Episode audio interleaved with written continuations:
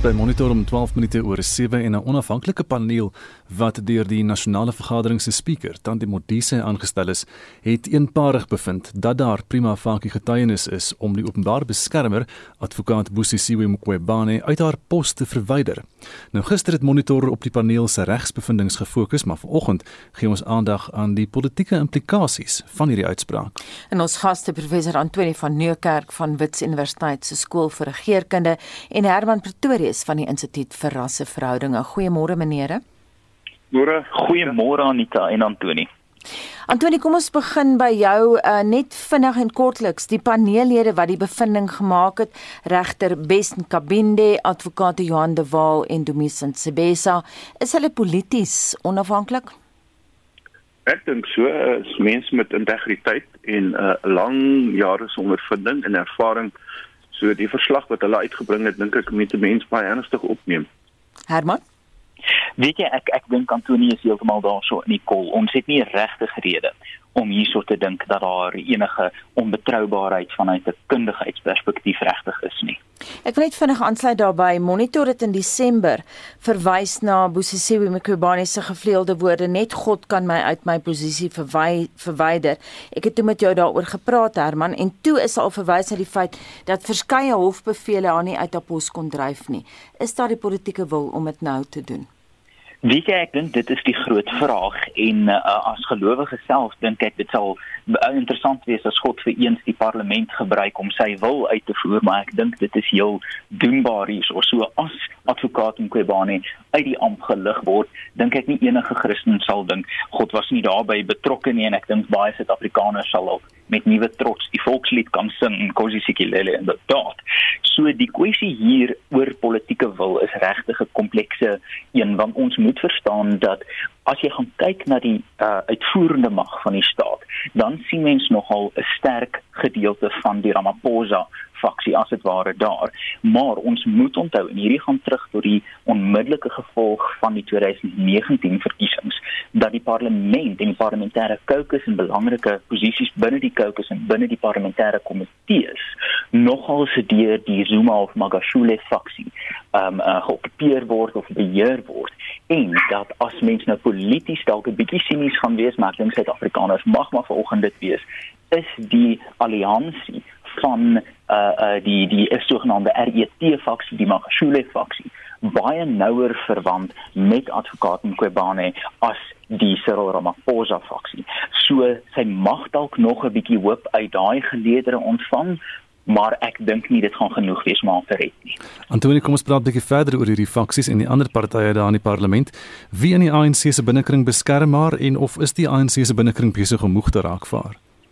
Ja, So ek dink Herman is reg met sy ontleding. Ek wou nog meer dieselfde ding gesê het, maar ek sal dalk 'n bietjie verder met voortborduur op die detail. Dan dink ek groot prentjie is is is as volg. Uh ons weet nou daar's 'n groot stryd, 'n titaniese stryd aan die gang uh, om die om die uh regerende party uh te gebruik vir selfverryking.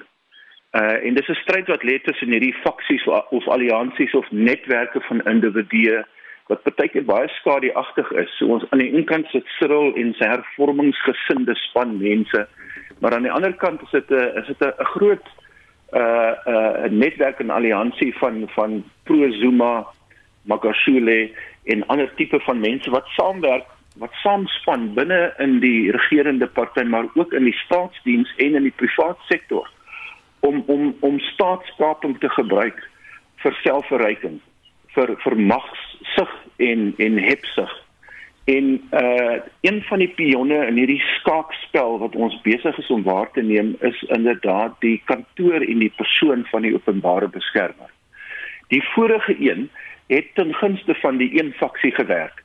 Uh en Tuli Maronsela het reg gekry om vir Jacob Zuma uh te embarrasseer en sy die Kandla skandaal aan die klok gehang en uh Ek dink een van die laagtepunte in ons demokratiese demokratiese bestel was die pogings van die ANC in die parlement om haar verslag te onderdruk of te on, ondermyn of te of te uh uh, uh nietig te verklaar. Uh nou is die is die uh aanstelling van die volgende openbare beskermer uh 'n moeilike een want uh iemand soos Bongani Bongo wat nou in die nuus is was deel van die ad hoc komitee wat uh wat die huidige openbare beskermer aangestel het en ek is nie eintlik uh verbaas om te sien dat sy in die belang van die een faksie werk nie. Uh en dat sy huiwer huiwer of jy bevoeg is of onbevoeg is in jou pos maak nie regtig waar saak in hierdie spel nie dit is watter voordeel jy kan uh uh, uh tot watter voordeel jy gebruik kan word deur die een of die ander faksie. So dis moeilik om te voorstel voorspel wanneer sy uit die weg geruim gaan word of uh, afgedank gaan word en dit gaan afhang van die magsbalans in die parlement tussen hierdie strydende faksies. En soos ons die dinamika van die politiek sien, kan enigiets in die volgende paar dae gebeur. En ek moet sê, uh, Gustaf, dis moeilik om te voorstel. Tegnies moet ek sê dat daar 'n lang pad voor lê nou. Dis amper soos Donald Trump se se staat van beskuldigingsproses dat eh uh, daar baie regstegniese en parlementêre stappe wat voor lê wat gebruik kan word om van haar ontslae te raak, maar sy gaan in die volgende paar maande, soos wat ek dit sien, nog met ons wees. Maar ek wil vinnig 'n ander ding by sê. Ek dink haar fit is uit. Ek dink haar waarde, sy voeg nie meer waarde toe tot die een of die ander kant nie wat natuurlik 'n tragedie is vir ons demokratiese bestel want sy vorm haar kantoor en die persoon van die openbare beskermer speel so 'n belangrike rol in die oorsig meganismes die hoofstuk 9 uh, meganismes van ons demokrasie dis onteenseglik so dat dat die demokrasie skade ly in hierdie um, magspel wat ons besig is om waar te neem. Herman, Antonie het nou gesê sy voeg nie meer waarde by nie, nie meer nie. Sy doen dit nie tans meer nie. Het sy ooit?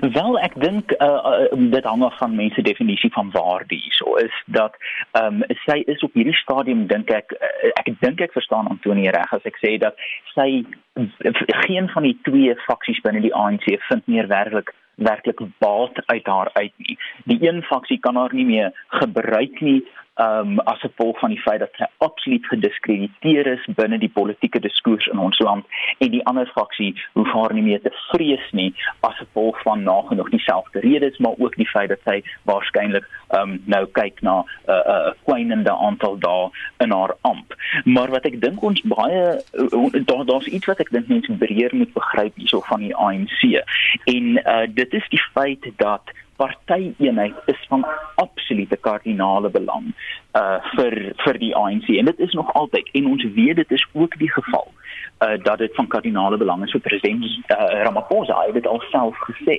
Nou as mens gaan kyk na die uh uh korrupsie netwerke en die boetie boetie netwerke en waarheen die geld oral heen vloei om seker te maak dat party eenheid tot 'n mate uh, bestand kan bly teen die politieke onstuimighede. Moet ons besef dat die ANC nie regtig daartoe in staat is om te hervorm nie. As mens kyk na die topleierskap, die 80 lede van die NEK, kyk ons na meer as 50% van hulle wat duidelik ooglopend by gruwelike uh, wandade van korrupsie en bedrog uh, betrek is, dan is daar omtrent uh, uh, 'n stuk of 30 of 31 so waaroor dit onseker is en by volgens die ER se navorsing kan ons net 8 lede van die NEK kry wat absoluut bo verdenking is. Ons moet besef hierdie is 'n party wat as hulle hervorming gaan probeer najag, hulle hulle self nogals in die voet in die been en in die maag gaan skiet. So as dit kom by party eenheid, is Ramaphosa nie iemand wat regtig die stryd kan aanspreek nie want die party waaroor hy self moet regeer en wat hy self gesê die eenheid van absoluut belangrik is sal skeur as hervorming te aggressief nagejaag word. En die politieke en sosio-ekonomiese vermoeiliking van die omstandighede dink ek gee waarheid aan die ou gesegde van uh, hoe minder die byt hoe feller die stryd. Ons is hier in 'n situasie waar daar al hoe minder geleenthede is sosio-ekonomies en polities in terme van kapitaal waar daar baat gevind kan word vir die ANC.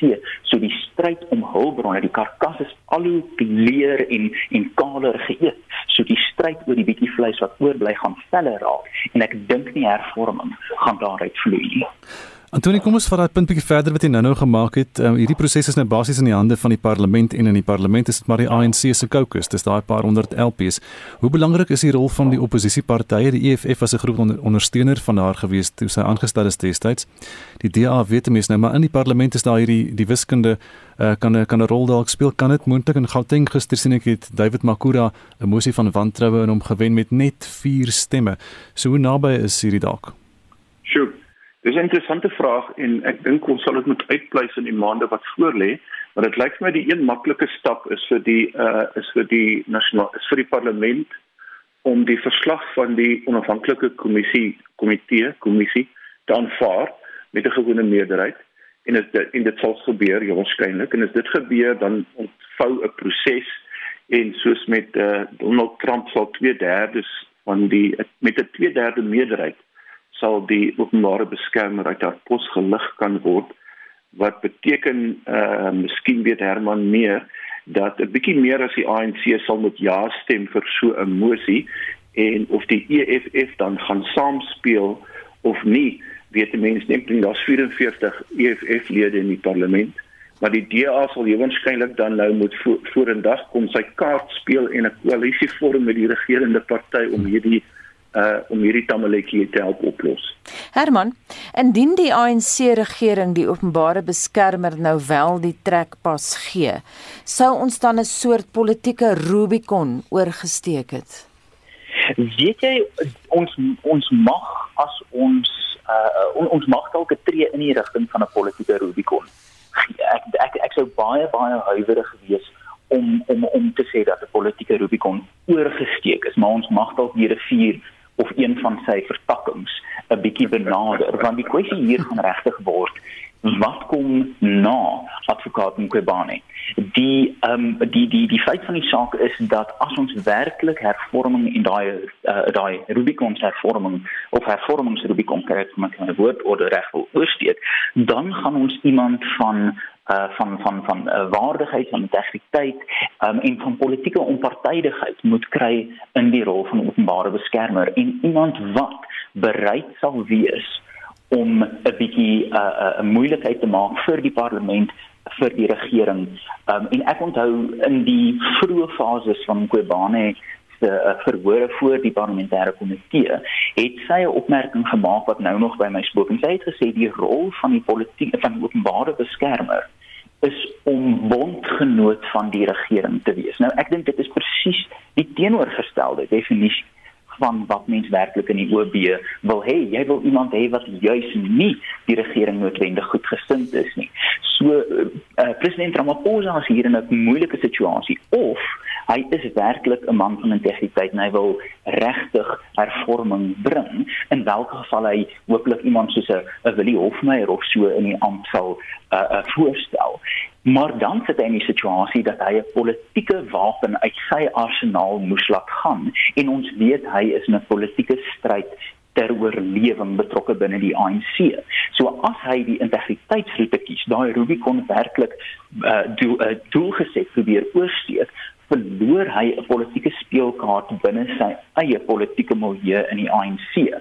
Maar as hy dan juis nie daai speelkaart wil verloor nie, sal ek nie verbaas wees as hy iemand breedweg faksioneel maar tog vir in die publieke oog minstens aanvaarbaar in die amp beklee nie. Ek dink die die die uh, dubbel drama van advokaat uh um Kobane en haar voorganger is dat in die een geval is die mag van die openbare beskermer so opgehemel polities in die gedagte van die kiezer en ook in regspraak dat die opvolger nou weer heeltemal na die ander kant toe oorgehel het. So ons het nou die die grondslag is hier gelê vir hierdie rol om uiters polities te wees. En ek self is skepties van die hervormingsinstinkt van uh, meneer Ramaphosa en eenvoudig uit die uit die feit dat daar nie genoeg bondgenote van daai hervormingsfaksie in in kabinet werklik is nie. So of daai Rubicon oorgesteek gaan word is op 'n ouende baie moeilike vraag. Of hy's 'n man van integriteit in watter geval hy sy eie posisie polities verswak of hy is 'n uh, slimmer politikus as wat hy tot dusver bewys het en hy gebruik die faksionele element tot sy voordeel en stel 'n bondgenoot aan. Kom ons gee gou vir Antoni ook 'n kans. Wil jy daai vraag oor die politieke Rubicon probeer beantwoord? Ja, terwyl terwyl jy vra en Herman antwoord, sit ek net terugdink aan wat PW Botha gedoen het in die laaste 80 jaar met die Rubicon. wat 'n drama was dit nie. Ehm um, jy moet dalk 'n klankgreep vir ons speel as die dag aanbreek dat die mm. president die volgende openbare beskermer uh, aanstel en dit inderdaad blyk 'n uh, 'n uh, 'n persoon met integriteit is. Ek dink ons ons land gaan so 'n oomblik beleef as dit die geval is dat Cyril Ramaphosa iemand kan kry wat wat wat aan die aan die aan die behoeftes die vereistes van so 'n pos voldoen dit moet 'n professionele persoon met, met integriteit wees dalk 'n voormalige regter. Maar ek wil vinnig by sê um, Anita dat die probleem is so wat ek het sien is waar waar moet Cyril Ramaphosa so 'n persoon vandaan kry? En uh, ek is ook huiwerig soos Herman om te sê dat dit vinnig kan gebeur want stel jou nou voor Uh, ons sit met ons intelligensie, ons weermag, ons polisie, uh ons sekuriteitstelsel probleme vir jare al en en die regte mense word nie aangestel in poste nie en die skandalige um mense wat mag misbruik bly in hulle poste. So dit is 'n tamaletjie wat ek dink baie moeilik opgelos gaan word. Maar Antoni, wat behoort die rol te wees van hierdie persoon want dit is eintlik maar dis 'n ombudsman. So hoekom is dit so verpolitiseer? Met Tuli maar ons sê dat ons nou almal begin bewus word van die posisie, maar voor dit was dit een van daai wat jy nie eers aan gedink het of van geweet het regtig nie. Ja, so ons het altyd gedink dat uh, so 'n persoon is iemand jy as jy ingedoen word as 'n gewone burger van die land uh en jy jy uh, uh en uh, jou jou regte word aangetast, dan kan jy soort van 'n brief skryf of jy kan vir haar gaan sien of haar span mense gaan besoek en hulle gaan namens jou dan uh, optree en kyk waar die onreg gepleeg is en dit is dit gebeur in baie gevalle. Daar's baie baie verslae wat uitgebring word deur die kantoor van die openbare beskermer oor die afgelope soveel jaar. Maar die die die die probleem het gekom met die met die die ongelooflike afmetings wat staatskaping aangeneem het en mense wat uh slagoffers hiervan geword het het begin vra vir die openbare beskermer om om stappe te neem. En dit is waar die verpolitisering ingekom het want baie van die staatskapers is deel van hierdie netwerk wat in die regerende party ingaan. En die oomblik toe toe die Marcella vir Jacob Zuma beskuldig dat hy um, skuldig is aan grootskaalse korrupsie en bedrog met Nkandla. Dus die gord gaar en dit is dis hoekom die ding verpolitiseer het en dit is hoekom ek dink uh, op die keper beskou dit dalk belangrik is om so 'n pos te depolitiseer as daar so 'n woord is en 'n professionele kundige persoon aan te stel wat wat kennis het van die reg en regsprosesse en die demokrasie en die werking van 'n hoofstuk 9 instelling en ek dink is iemand wat dalk 'n bietjie onder die radar kan vlieg wat so 'n werk sal kan doen en dalk antwoord ek my eie vraag kry die president iemand om so werk te doen. Dalk dalk 'n geagte professor by 'n universiteit. Kom ons gaan uh, gee die laaste vraag vir jou Herman en hou dit kort asseblief. Hmm. As dit gebeur en sy die trekpas kry, sou dit 'n presedent skep om van ander patete of ongewenste ontslae te raak. Ek dink dit is dit is die geval dat um, in in in 'n in 'n faksionele politieke bestel um, is enige besluit die basis van 'n president. Ek dink uh, as ons mooi daaroor gaan dink, het ons sedert uh, Nelson Mandela nog nie 'n president gehad wat sy volle termyne uitgedien het nie en daai is die is die verwesenlik van die ANC president wat geskep is met die ontheffing van Thabo Mbeki. So ek dink daai president sal geskep word. Ja. Herman baie dankie. Herman Pretorius is van die Instituut vir Rasseverhoudinge en Antoni van Nieuwkerk professor Antoni van Nieuwkerk van die Wits Universiteit se skool vir regeringskunde. Dit Gert Aye Prinsloo sê ek het nogals 'n paar plekke wat ek bitter graag wil sien in ons mooi land, so as die geleentheid hom voordoen, sal ek spring vir dit. En Chrissy van der Merwe skryf haar mening is dat die Voortrekker Monument pragtig en baie innoverend gebou is, maar as jy eenmaal daar was, is dit nie interessant genoeg om dit weer te besoek nie. Mariana Skols laat weet, my ouers het in 1961 Pretoria toe getrek en ek gaan elke jaar 'n paar keer soontoe. Ek mis veral nie die oudhede mark nie. Die volgende een sê Johanna is op 22 Maart en sy sê my ouers het as, as voortrekkers daar gekamp met die inwyding in 1948 en ek Ek het met my kind en vriende daar gekamp toe die voortrekkers 75 jaar oud geword het. En Louis Punt laat weet ook oor die voortrekker monument. Ons hele gesin was by die opening. Ek was 4 jaar oud. Ek onthou nog goed die opwinding. My sussie en ek in voortrekker uitrustings wat my ma gemaak het en my broers het programme verkoop. Ek sal dit nooit vergeet nie. En Louis sê daar's ook 'n borsbeeld by die voortrekker monument van sy pa, Dr Willem Punt, die kultuur historikus. Ons vra vandag vir jou, ons praat nou binnekort oor die Voortrekker Monument waar planne beraam word om op te maak vir die derduisende oorsese toeriste wat nou nie meer weens COVID-19 daar kon opdaag nie en ons wil by jou weet besoek jy of beplan jy om besienswaardighede te besoek onder die verslapte vlak 1 inperking en laat weet vir ons waarheen gaan jy gaan en waar gaan jy besoek af lê. Stuur vir ons 'n SMS by 45889. Onthou dit kos R1.50. Gesels saam op ons Facebookblad by facebook.com vorentoe skynstreep ZARSG. Ek is net so voor 8 terug met nog van jou terugvoer. En van die voortrekker monument na die Withuis, die Biden-administrasie het gister aangekondig dat sanksies ingestel word teen verskeie groot koppe in Rusland in reaksie op die vergiftiging en inhegtenisname van die aktivis en oppositiepolitiese leier Alexei Navalny. Die Europese Unie het kort na die FSA soortgelyke sanksies ingestel, maar Lenay het vir ons al daai besonderhede, maar Lenay En ons bly by Amerika se sanksies. So Rusland se topspioen en ses ander individue word geteken en uitvoere na besighede wat verbind word aan vervaardigers van biologiese en chemiese agente is beperk. Volgens die BBC se korrespondent in Moskou, Sarah Rainsford, word dit egter wyd beskou as 'n louerige skuif. They don't do what Mr. Navalny's team had asked for, which is to go after oligarchs, senior figures here very close to Vladimir Putin. They gave a whole list to the US administration that they wanted sanctioned. Now, as for the Kremlin's response, well, Dmitry Peskov, uh, Vladimir Putin's spokesman, has dismissed uh, the use of sanctions once again. He says that the West is addicted to applying restrictions. He said they should ask themselves one question, though does it work? And according to the Kremlin spokesman, it just doesn't.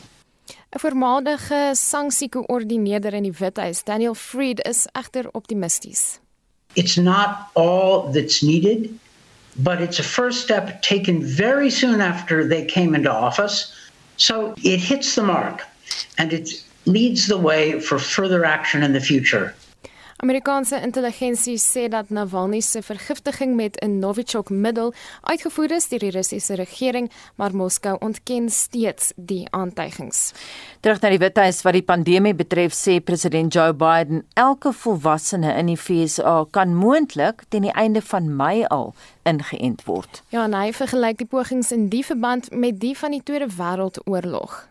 Two of the largest healthcare and pharmaceutical companies in the world are working together on the vaccine. This is the type of collaboration between companies we saw in World War II. We also invoked the Defense Production Act to equip two Merck facilities to the standards necessary to safely manufacture the J&J vaccine. Johnson & Johnson's vaccine manufacturing facilities will now begin to operate 24/7 En ten spyte van hoë COVID-19 syfers in die deelstaat Texas, het gouverneur Craig Abbott intussen aangekondig dat die deelstaat van vandag af 'n nuwe stel reëls sal volg. All businesses of any type are allowed to open 100%. Also, I am ending the statewide mask mandate. Despite these changes, remember this. Removing state mandates does not end personal responsibility. Verskeie Afrika lande het intussen hulle eerste besending en stof ontvang en dit sluit in Kenia, Angola, Nigerië en Ghana. It's just like any other vaccination. I just feel like just a little heaviness in the arm. Rather than that, nothing else. People should be encouraged to take their jobs because if you are thinking that there's a risk with it, there's also a risk with you not taking it. En dis inwoners van Ghana nadat hulle ingeënt is. En nou verskuif ons die fokus na die ooste waar navorsing oor die verskuiwing van die Uyghur gemeenskap uitgelek is. Dit toon dat die bevolkingsgroepsgetalle nou afneem. Inwoners word na bewering nadat hulle na heropleidingskampe gestuur is, van hulle gesinne geskei en afgesonder. Hulle word volgens die verslag na ont fabrieke ontplooi, dikwels teen hulle wil, maar en en dan daar word hulle dikwels afgesonder. Nou Dr. Adrian Zen Van die Gedenkstigting vir Slagoffers van Kommunisme het die volgende te sê. This is an authoritative source written by really leading academics and former government officials with unprecedented high level access in Xinjiang itself. That drives home the implications of what is going on here. There are higher goals of manipulating population density and demographics that, in my opinion, are very concerning and they really point us towards crimes against humanity. Nou die BBC-korrespondent in China, John Subworth, het besoek afgelê aan 'n fabriek waarin werknemers gestuur is. As many as a few hundred Uyghurs are employed in this factory, but unlike the Chinese staff, they are unable to leave the factory premises. Nou het ook gepraat met Erbakit Otarbay, die van die Uyghur gemeenskap wat dit kon regkry om uit te styg bo sy omstandighede. There were 200 workers in the factory. We sold children's clothes and we are obliged to sing the Chinese national anthem. They said, the faster you work, the faster we'll let you go. Die Chinese regering ontken egter dat hy die minderheidsgroep onderdruk en beskryf hierdie aksies, hierdie ontplooiing na die fabrieke as 'n poging om werk te skep. En dit was Madeleine Forsie met wêreldnuus. 20 minute voor 8 en nog wêreldnuus. Dis 'n doodsvonnis. Dit was die verdoemende kommentaar van die VN-sekretaris-generaal Antonio Guterres nadat internasionale skenkers van dese week minder as 2 miljard Amerikaanse dollar van die VN se gevraagde 4 miljard dollar aan Jemen beloof het. 16 miljoen Jemeniete ly honger weens 'n oorlog van byna 'n dekade nou al. Emeritus professor Willie Breitenberg het die Jemen situasie gister aan Anita beskryf as die wêreld se grootste humanitêre krisis. Dit is 'n baie groot krisis want dit kom gelyktydig nog met die COVID krisis wat alreeds 'n groot krisis was en dit kom op op die tyd wat buitelandse moondhede wat wel deur hulle inmenging deur geld te gee vir vredesprosesse suiwiger is want die internasionale geld wat nou vir hierdie ronde van die veiligheidsproses gegee het is die geld aansienlik minder as in die verlede. Nog steeds is dit 'n oorlog waarin twee groot moondhede verskillende kante kies. Dit is Saudi Saudi-Arabië aan die erkende regering se kant want hulle is Sunnis en dan die Houthi rebelle met Iran aan hulle kant wat weer ondersteun word deur Rusland aan die ander kant. So die groot prentjie is dat dit lyk nog maar steeds soos in die Koue Oorlog. Maar in werklikheid is dit 'n plaaslike oorlog wat nie om olie gaan nie, maar dit gaan wel om die olieroete want Jemen is geleë op die olieroete tussen die Persiese Golf wat die wêreld se rykste oliebron is op pad na die Suezkanaal toe, op pad Europa toe wat daardie olie betref en daarom is dit strategies so belangrik dat daardie seeweg neutraal bly en nie deur een of ander kant gekaap word nie. Nou wil jy het gesê die groot moonthede is steun ook verskillende kante van die oorlog inderdaad. Donald Trump het die Saudis gesteun en hy het hulle van wapens voorsien. Wat dink jy gaan president Biden doen? Weet jy, die volgende vraag is ook uh, saam met Donald Trump het die Suid-Afrikaanse regering by wyse van Denel ook wapentuig aan Saudi-Arabië verkoop. Wat Biden gaan doen, weet 'n mens nog nie spesifiek nie. Hy het nog nie sy hand gewys wat Jemen betref nie, maar hy het wel al sy hand gewys wat Saudi-Arabië betref, naamlik dat hy wil nou die regering van Saudi-Arabië voorstok kry oor die moord destyds 'n hele paar jaar gelede op uh, Adnan Khashoggi, baie uh, baie bekende joernalis wat op aandrang, waarskynlike aandrang van die Saudi prins vermoor is. So daar mag wel as gevolg van die Biden bewind ander klanke uit daardie wêreld uitkom, maar vir die huidige sit ons nog steeds hier met 'n baie groot brutale oorlog waarin arm hongermense die groot slagoffers is. Ek sien Jan Egeland, die sekretaris-generaal van die Noorse Raad vir Vlugtelinge, het sy kommer uitgespreek oor die feit dat so min lande bereid was om ekstra geld in Jemen in te stoot. Mens kan seker nie verwag dat dit op die kort termyn gaan verander nie, veral nie as ons dalk 'n derde vlag van COVID gaan sien nie, of wat dink jy? Ja, dit is ook so dat die wêreld voel hulle het al in die verlede redelik baie gedoen om hierdie oorlog by te lê, maar die oorlog gaan net aan en aan en aan en aan. Die oorlog is nou al 10 jaar lank aan die gang en dit gelyk op 'n stadium asof daar flikkeringe van hoop was veral toe daar in 'n Stockholm byeengekom is om die reëlings te tref sodat daar 'n VN erkende regering kan wees wat daar is. Daar is 'n VN erkende regering, maar die lidlande wat steun gee aan albei kante is ook lidlande van die VN. Met ander woorde, dit is Verenigde Nasies lidlande wat dan nou 'n kant kies vir van die afsonderlike faksies. Die een is aan hierdie kant, die ander een is aan daai kant. Maar aan die einde van die dag bly dit 'n godsdienstoorlog, want die Houthi rebelle is van die Shia soort wat godsdienstig verwant is aan die moslim godsdienst van Iran, terwyl die erkende regering is Sunnis dieselfde as Saudi-Arabië wat dan ook die grootste groep moslems in die Midde-Ooste is. So basies is die verdeellyn godsdienstig. Sekondêr gaan dit om die feit dat dit die olieroute is en dan moet ons onthou dis nie net die wêreld se grootste humanitêre krisis nie. Dit is ook een waar mense die hongerste is, waar daar die minste kos opgelewer word en hulle is so afhanklik van elke stukkie kos vir die vlugtelinge en die ander mense daar. Antonio Guterres het vir 4 miljard Amerikaanse dollar se hulp gevra.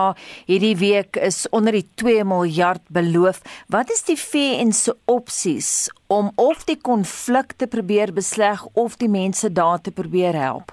Ek dink dit is twee verskillende goed. Die uh, Veiligheidsraad van die VN, dis die ene wat miskien sal moet ingryp. Ons hoor nie wat die Veiligheidsraad sê nie, maar dan veral die VN Hoogkommissariaat vir Vlugtelinge. Hulle kan wel meer op die grond doen as wat hulle tans doen, maar dit wat hulle doen kom van ledelande af en die syfers wat jy nou net genoem het, is drasties minder as die vorige syfers van 'n tyd of wat gelede voordat hierdie konflik nou skielik weer opgevlam het.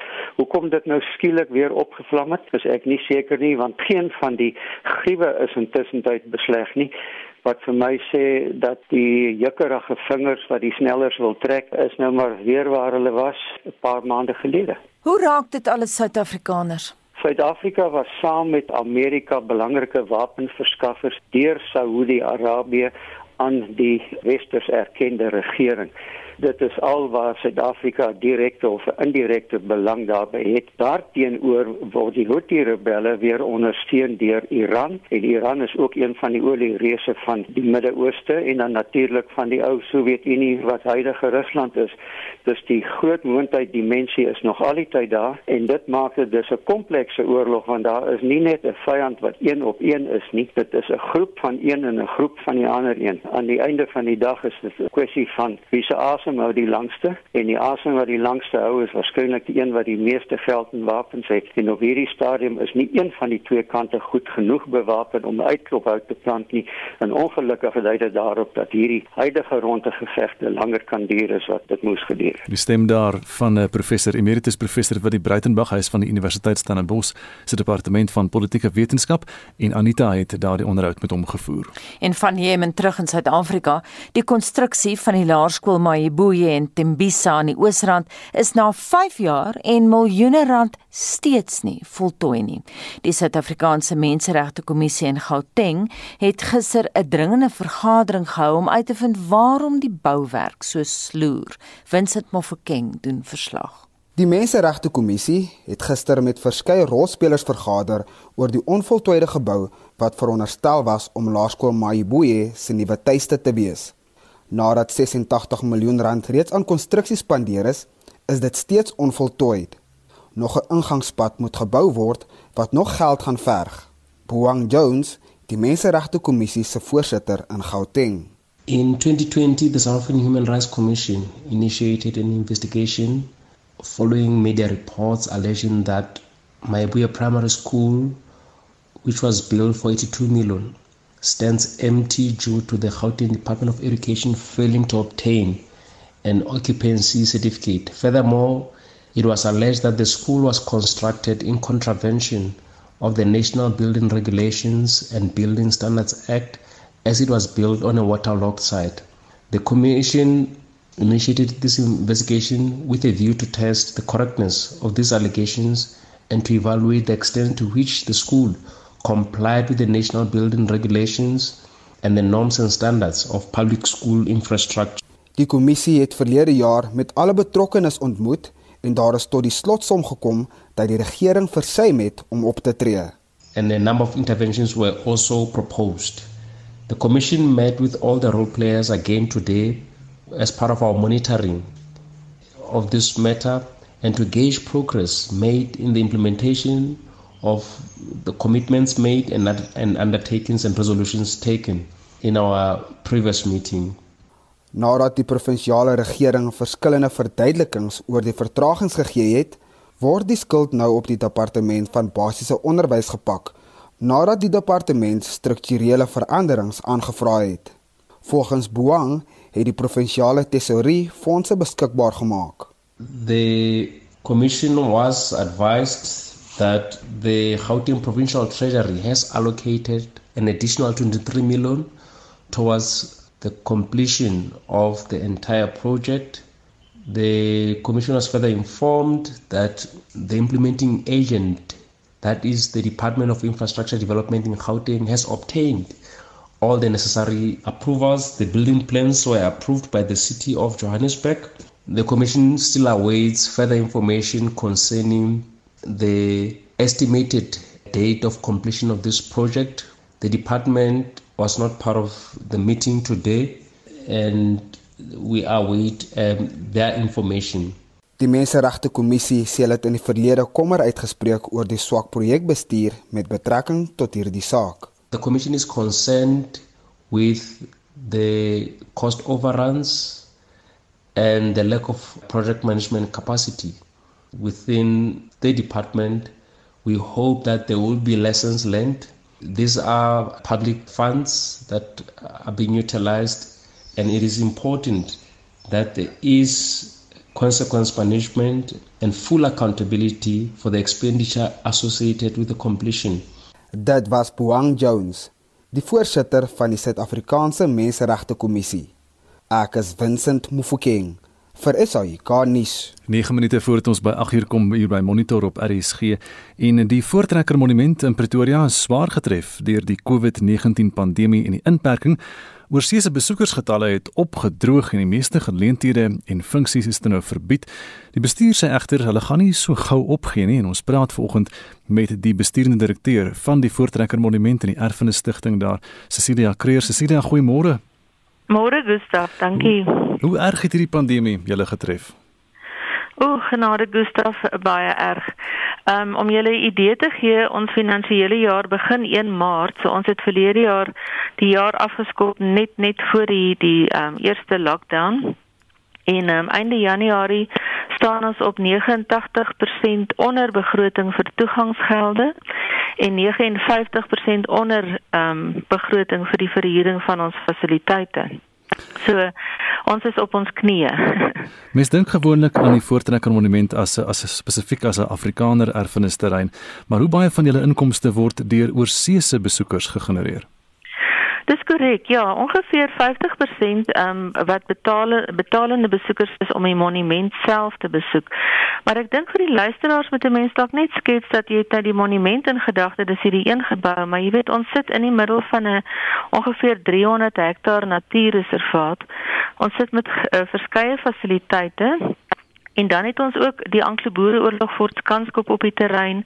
Ons het ons eie erfenissentrum met verskeie instansies se argiewe, museumuitstallings. Um, hier is staproetes op die terrein. Ons het 'n kapel waar troues plaasvind. Ons het 'n nistuin waar begrafnisse plaasvind. So dit is 'n hele klein industrie wat hier op die koppie gebeur. Ehm um, en ja, dit is so inderdaad so. 50 of meer persent van die besoekers het van oorsee afgekom waarvan ofte van China afgekom het wat dit nou nog erger maak want dit die Chinese nuwe jaar is gewoonlik in Februarie Maart en dan word ons oor weet deur Chinese besoekers wat nou absolute stilte hier op bo op die parkeerterrein is. Dis beteken nogal vreemd om te dink daaraan wat wat sien die Chinese in die Voortrekker Monument? Dis 'n baie goeie vraag, Gustaf. Ons het so hier by 2010 het die monument redelik aktief bemark in China. Verskeie toerismeskoue daar bygewoon en ook 'n webblad in Chinees vertaal um, en jy weet dit dit was in China bekend gestel. Nou of dit dit is, weet ek nie. Um, ons verstaan ook dat Chinese in elk geval redelik wyd die afgelope 10 na 15 jaar reis of dit ook 'n nuwe ding is onder hulle kultuur weet ons nie. Maar ek dink 'n ou moet ook besef dat die monument dit nie net sy politieke bagasie wat almal dink hy het nie. Die monument is werklik Cecilia, is jy nog daar? Cecilia se foon het ons nou in die steek gelaat en dit lyk my ons kan ons gaan probeer om nou verder met haar te praat. Môre Cecilia, dankie dat jy daar is. Ek weet nie wat het ek laas gesê wat jy laas gehoor het nie. Kom ek vra vir jou oor die ja. um, die hulp van die regering. Kry jy hulp by die regering en is daar nee, meer hulp nee, aangebied? Ehm um, nee, Gustaf, ons is een van die min ehm um, nasionaal gegradeerde monumente of erfenisterreine wat geen staatssubsidie ontvang nie.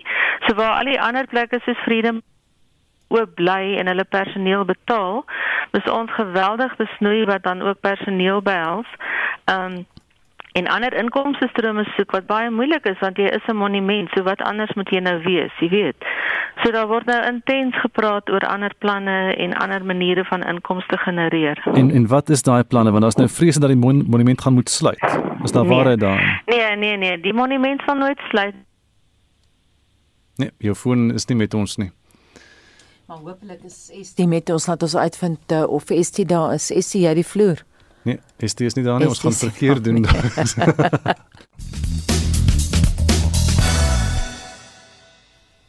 ST jy is nou daar.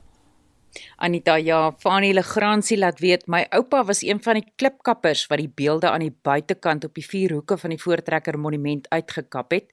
Dis hierdie monument vir my 'n baie spesiale bekoring.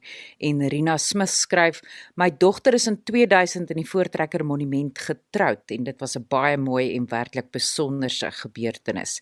Antoinette Jacobs laat weet sy sal graag as haar begrotinge toelaat die Voortrekker Monument, Robben Eiland en die Taalmonument wil besoek. En 'n luisteraar skryf op ons SMS-lyn: "My ouma was een van die vroue wat gesing het met die opening by die Voortrekker Monument en my ma was 'n voortrekker verteenwoordiger by die opening." Pieter van der Spy sê: "Die Voortrekker Monument is die grootste kultuurskat wat daar vir die Afrikaner volk bestaan en elke geslag moet toesien dat die volgende geslag daaraan blootgestel word. Ons moet daarna omsien want niemand anders gaan dit namens ons doen nie." En Ben skryf: "Verseker besoek ek alreeds soveel as moontlik van ons plaaslike besienswaardighede. As jy dit nie doen nie, mis jy baie." En dis nie so duur nie. Dis verniet teenoor oorseese toeriste besienswaardighede. Ons moet almal besoek af lê sodat ons ook die werksgeleenthede by hierdie besienswaardighede kan verseker. En Ria en Dan sê die Voortrekker Monument is ons volk se herdenking aan ons hemelse Vader wat ons volk hier aan die suidpunt van Afrika kom plant het.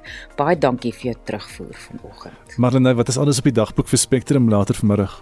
Die voormalige Eskom bestuurshoof Brian Molefe se getuienis voor die Zondo-kommissie word hervat en 'n nuwe getuie word vandag aangehoor in die hofsaak teen omstrede Nigeriese pastoor Timothy Omotoso. Ons kyk ook na die departement van gesondheid se media konferensie oor die jongste beskikbare inligting oor die COVID-variant wat in Suid-Afrika geïdentifiseer is.